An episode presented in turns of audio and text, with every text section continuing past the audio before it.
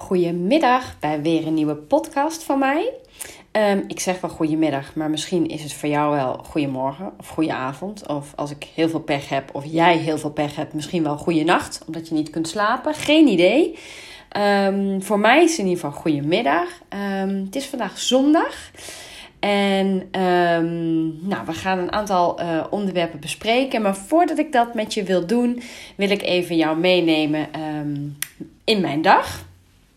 En ik postte vanochtend in mijn stories een korte, hele korte post over oprechte aandacht hebben voor je kind. Waarin ik aangaf um, welk moment kies jij vandaag om even oprecht aandacht te geven aan je kind. En dat hoeft geen twee uur te zijn, zei ik er ook bij. Hè? Want we denken dan meteen, we moeten de hele dag die kinderen gaan lopen vermaken. Alsjeblieft niet. Maar oprechte aandacht kan ook in 5 of 10 of 15 minuten. Maar dan wel echt en oprecht. En daarmee bedoel ik zonder afleiding. En ik kreeg daar een aantal hele leuke reacties op. Waaronder iemand die mij een berichtje stuurde en zei: God, hè, we hebben sinds kort een babytje erbij. En mijn peuter vindt dat heel ingewikkeld. En ik ben, naar aanleiding van jouw post, echt even samen alleen met mijn peuter gaan ontbijten. Geen baby erbij.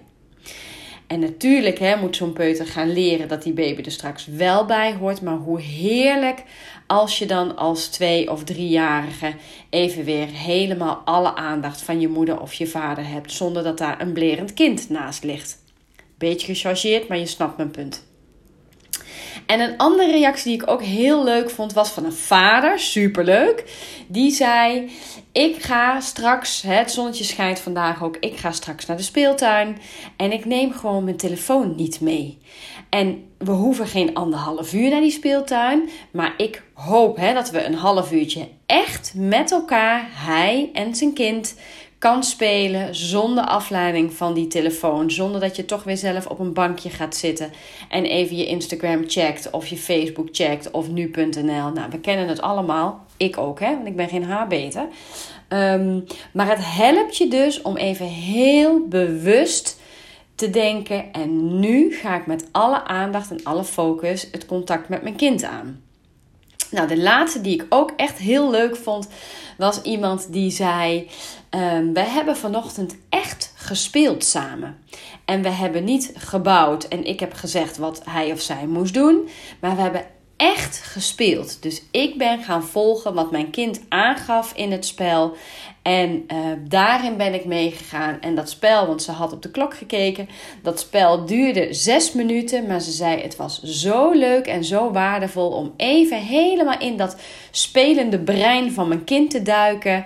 En daarna uh, uh, kon dat kind ook weer heel lekker zelf verder spelen, gaf ze aan. Dus toen kon zij weer haar eigen dingen gaan doen. Nou, hoe lekker als dat kan.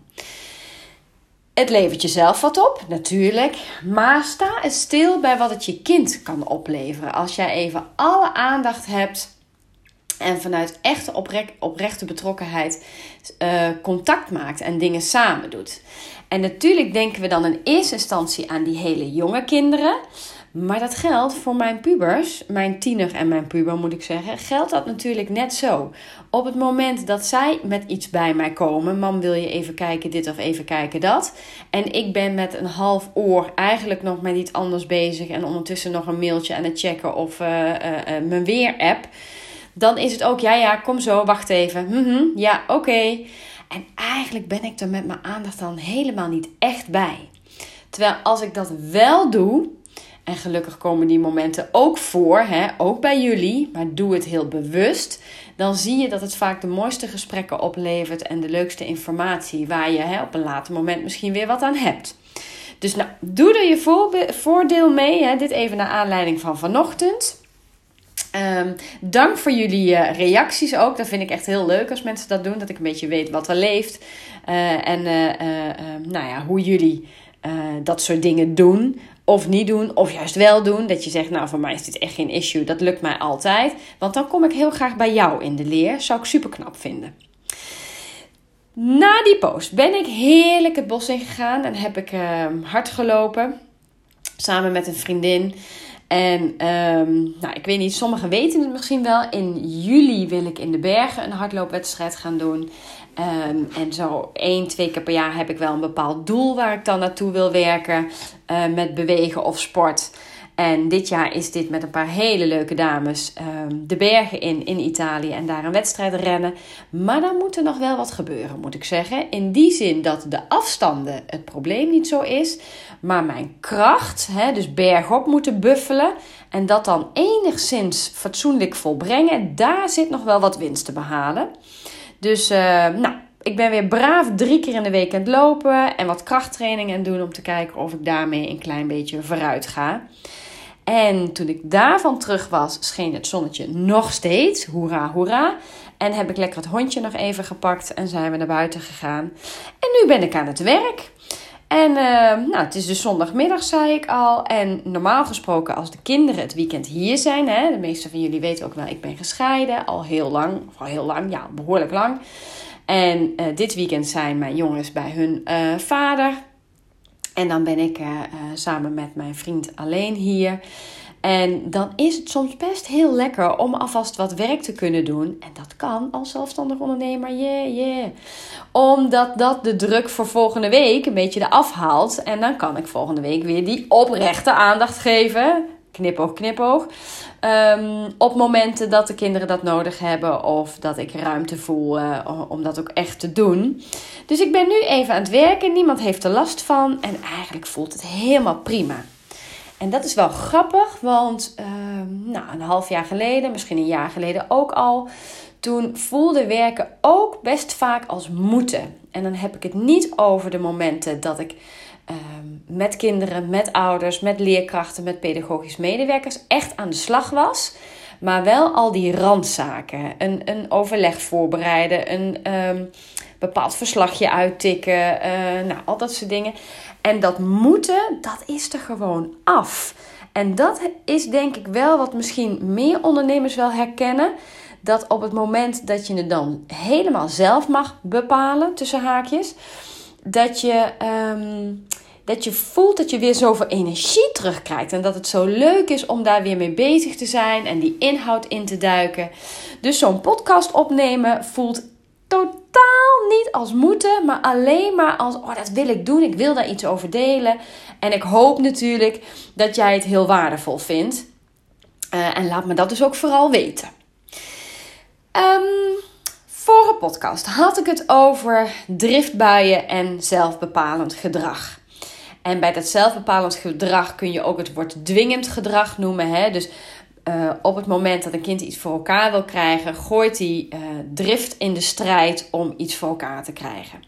En ik gaf toen al aan, hè, ook in de, uh, de tekst die bij de podcast staat, dit is, van de, is een van de meest voorkomende redenen waarom kinderen driftbuien laten zien. Want die drift levert hun iets op. En dat zorgt ervoor dat ze iets voor elkaar krijgen wat ze met gewoon vragen of een beetje zeuren niet voor elkaar krijgen. Ik gaf toen al heel duidelijk aan, het is één van de redenen voor een driftbui. Er zijn natuurlijk veel meer redenen. Uh, en ik haal ze bewust een beetje uit elkaar om je mee te geven dat naar je kind kijken en, en proberen te achterhalen waar de drift vandaan komt, eigenlijk stap 1 is om te achterhalen en wat moet ik nu dus vervolgens doen. Um, een paar redenen die ik in de praktijk vaak zie waarom kinderen ook driftig kunnen worden, een driftbui kunnen krijgen, is moeheid. Nou, die kennen we denk ik ook allemaal van onze eigen kinderen. Uh, die fase dat ze geen dutjes meer doen, of een nacht echt niet geslapen of slecht geslapen hebben, ziek zijn geweest. Um, moeheid, een drukke dag hebben gehad, druk weekend. Hè? Moeheid is een enorme trigger voor driftbuien. Vervolgens kun je ook denken aan bijvoorbeeld overprikkeld zijn. Hè? En dat is net weer wat anders dan echt moe zijn, maar gewoon te veel lawaai om je heen hebben gehad, te veel indrukken hebben gekregen, wat je brein nog niet goed verwerkt krijgt. Ook dat kan een reden zijn waardoor kinderen driftbuien krijgen. Honger en dorst, die vergeten we vaak, maar het is, zal niet de eerste keer zijn dat ik een kind een driftbui zie hebben waarbij er gewoon sprake is van dorst. En op het moment dat we die getackeld hadden, um, omdat we erachter kwamen dat dit meisje eigenlijk aan het einde van de schooldag gruwelijk dorst had, omdat ze zichzelf ook niet de tijd gunde om te drinken op school. Ehm, had moeder een flesje water in de tas en bij het uit school komen ging ze eerst drinken. En dan pas vroeg moeder: Hoe was je dag? Of wil je nog iets afspreken? En het klinkt echt super easy, maar dit was dus gewoon de oplossing. Even drinken, heel even was dat ook meteen een rustmomentje. En vervolgens kon de dag dan de middag starten en de dag verder gaan. Frustratie is er natuurlijk ook zo één. Frustratie van het nog niet kunnen of nog niet goed genoeg kunnen, omdat in jouw hoofd kun je al een prachtige tekening maken, maar op papier ziet het er dan toch net even iets anders uit. Of in jouw hoofd kun je in de, in de hoogste bomen klimmen en de prachtigste hutten maken, maar in de praktijk blijkt dat toch net even iets lastiger te zijn als kind. En dan zie je dat frustratie ook een hele belangrijke trigger is voor driftbuien. Vrijwel in alle gevallen um, kun je stellen dat een driftbui eigenlijk niets anders is dan een uiting van onmacht, geen controle meer hebben over je emoties en vervolgens de vraag aan ons als volwassenen, aan de omgeving: help me, ik overzie het niet meer. Dus help mij de situatie, het leven weer te overzien. En een hele mooie uh, quote van Anton Horenweg, um, die stelde uh, op een gegeven moment: Kinderen met tussen haakjes probleemgedrag willen eigenlijk maar één ding. Ze willen het goed doen. Maar hun beperking of hun nog beperkte vaardigheden verhinderen dat dit meteen lukt. Van hen is het geen onwil, het is onvermogen. En dat is misschien een mooie om die eens te laten zakken. Het is dus de beperkte vaardigheden of de beperking waar een kind mee te dealen heeft, die ervoor zorgt dat het goed doen nog niet lukt. Geen één kind staat ochtends op met de gedachte: zo, ik ga vandaag eens even acht driftbuien hebben. Geen één kind gaat s'avonds naar bed met de gedachte: zo, dat was lekker, mijn dag hing aan elkaar van driftbuien. Dat geloof ik oprecht niet. En ik denk dat je die gedachte met me deelt. Wat kun jij vervolgens doen? Hè? Dat is de vraag die ik vaak krijg. En ehm, hè, hoe zorg ik dat mijn kind uh, sneller uit die driftbui komt of die driftbuien helemaal niet heeft? Hoe ga ik daarmee om in de klas? Hoe gaan we daar op de opvang mee om? En eigenlijk um, zijn er een aantal stappen die je kunt volgen die altijd helpend zijn. Dat wil niet zeggen dat als je dit doet, dat het dus meteen voorbij is of dat die driftbuien niet meer voorkomen. Maar het is wel een mooie eerste aanzet om te kijken wat het effect is op het kind, hè, wat, het, wat de driftbui heeft. Belangrijk is om te gaan benoemen wat je ziet. Hè? En we weten dat allemaal, we lezen dat allemaal, maar in de praktijk zie ik toch heel vaak dat er gezegd wordt: stop eens met schreeuwen, stop eens met huilen, stop eens met zo boos doen. En dat we vergeten om even te benoemen: ik zie dat jij ontzettend gefrustreerd raakt, of ik zie dat je boos begint te worden, of ik zie dat je verdrietig wordt. Klopt dat? En op het moment dat je het uh, gevoel benoemt, wat je dus daadwerkelijk ziet, dan zie je dat kinderen, dat jij eigenlijk uh, woorden geeft aan wat het kind voelt. Wat zien we nou bij kinderen? Ze communiceren vaak via hun gedrag, daar heb ik al eerder iets over gedeeld. En uh, het is onze taak van opvoeders en professionele opvoeders om eigenlijk te achterhalen wat zeggen ze nu echt met dit gedrag. Dus doordat jij al gaat benoemen wat jij ziet, kun je toetsen bij een kind of dat klopt. En als je dat dus vroeg doet, snel doet en niet pas als een kind helemaal uit zijn stekker gaat. Er komt een uh, mailtje binnen, dat horen jullie wellicht. Ehm, en op het moment dat je dat dus vroeg doet en niet op het moment dat een kind helemaal uit zijn stekker gaat, dan zie je dat jij eigenlijk vertaalt voor wat het kind voelt. En dat geeft vaak al een beetje lucht. Nou, naast het benoemen is het belangrijk dat je de emotie erkent. Dus dat je aangeeft dat je snapt dat het jammer is dat het nu moet gaan opruimen. Of dat je begrijpt dat het liever graag nog langer buiten had gespeeld. Of dat je snapt dat het helemaal niet zoveel zin heeft om aan tafel te komen, maar dat er toch gegeten moet worden. Dus het erkennen van de emotie is ook een hele belangrijke. Want daarmee mag iedere emotie er zijn. En ehm, ik zie veel kinderen, en dan met name wat oudere kinderen. Dus dan heb ik het over midden- slash bovenbouwkinderen, of zelfs nog ouder. Hè, dan hebben we het over tieners en pubers.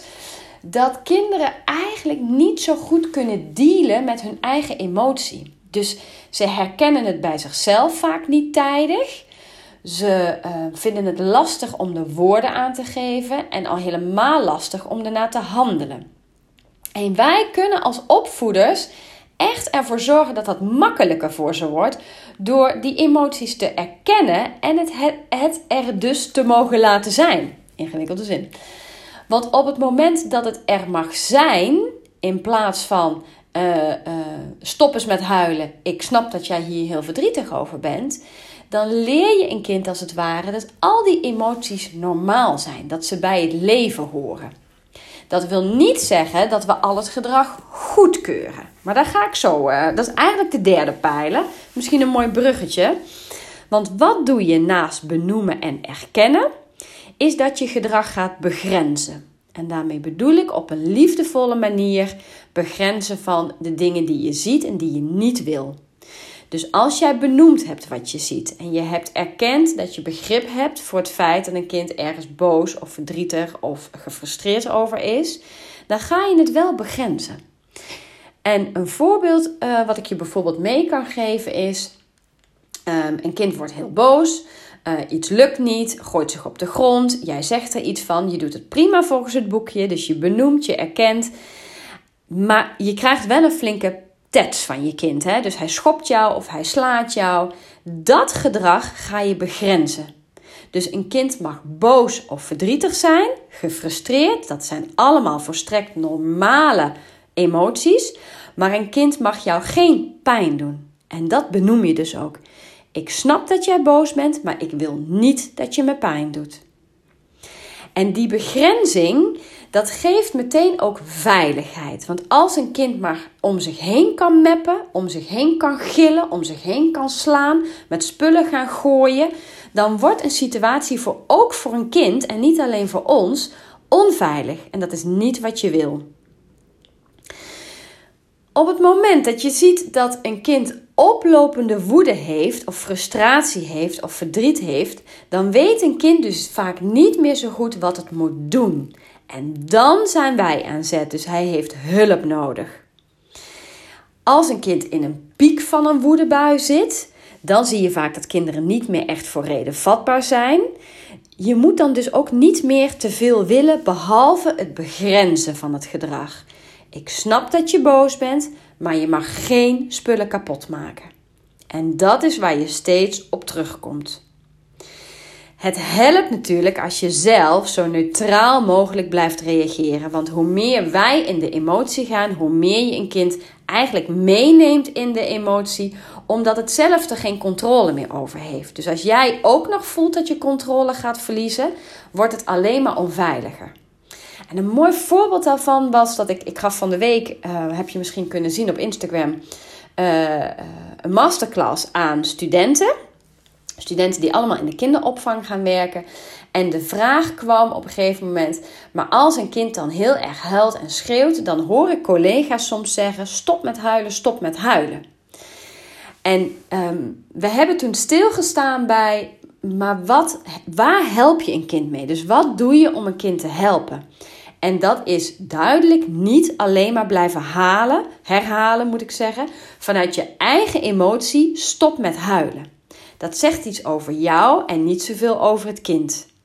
Dus op het moment dat jij voelt dat je zelf heel erg oploopt in je eigen emotie en het je niet meer goed lukt om echt die helpende hand te bieden, dan is het soms heel wijs en wenselijk om een beetje afstand te nemen. En als het kan, hè, is het super fijn als een collega of een partner het kan overnemen. Maar er zijn ook heel veel situaties waarin dat niet kan. Dus geef jezelf dan een beetje ruimte door wel te begrenzen, ook te erkennen, maar heel even wat afstand te nemen. En vaak zie je dan dat dat kinderen ook weer laat zakken in de emotie. In plaats van dat je er maar bovenop blijft zitten. Stop met huilen, stop met huilen. Um, het is dus belangrijk dat je kinderen alternatieven leert. Hè? Als we terugkijken naar die uitspraak die ik straks deed over Anton Horenweg. Dan um, zijn het de vaardigheden, dus het niet weten hoe je er anders mee omgaat die ervoor zorgen dat kinderen dus nog niet een andere manier hebben van het uiten van die emoties. En die alternatieven aanleren, dat is natuurlijk heel mooi. En daar kun je al heel jong mee beginnen. Uh, door nou ja, kinderen daadwerkelijk gedragsalternatieven te geven. Hè? Dus je mag niet uh, slaan, maar je mag bijvoorbeeld wel tegen een kussen stompen. Of uh, je mag niet schreeuwen, maar je mag wel stampvoeten. En um, je mag wel schreeuwen, bijvoorbeeld, hè? maar je mag niet heel hoog en hard gillen, waardoor het hele gezin overstuur raakt. Nou, daar kun je voor jezelf, passend bij jouw situatie, natuurlijk keuzes in maken. En daarin geef jij aan wat de alternatieven zijn die wel mogen, die wel passend zijn. Het is belangrijk, en ik moet er een beetje van grinniken, is um, dat we ons realiseren dat gedragsverandering tijd kost. En dan denk ik bijvoorbeeld aan mijn eigen gedragsveranderingen, die ik wel eens, dat ik denk, oh ja, ik moet echt meer, nou bewegen is bij mij niet zo'n issue, maar ik wil bijvoorbeeld gezonder eten, of uh, minder snoepen, of minder chocola bij de thee s'avonds. Dat is namelijk ook echt een guilty pleasure. Um, dat doen en dat duurzaam en structureel veranderen is echt wel een uitdaging. En best heel moeilijk. Dus voor kinderen gedrag eigen maken en alternatieven aanleren is dus ook iets wat tijd nodig heeft. Dat lukt niet na twee keer. Realiseer je dat. En geef dus die tijd, maar neem ook de tijd om daarin je kind um, in de klas, op de opvang of binnen je gezin wat verder te helpen door daar um, voortdurend bij stil te staan. Tijd is echt een belangrijke factor om nieuw gedrag aan te leren.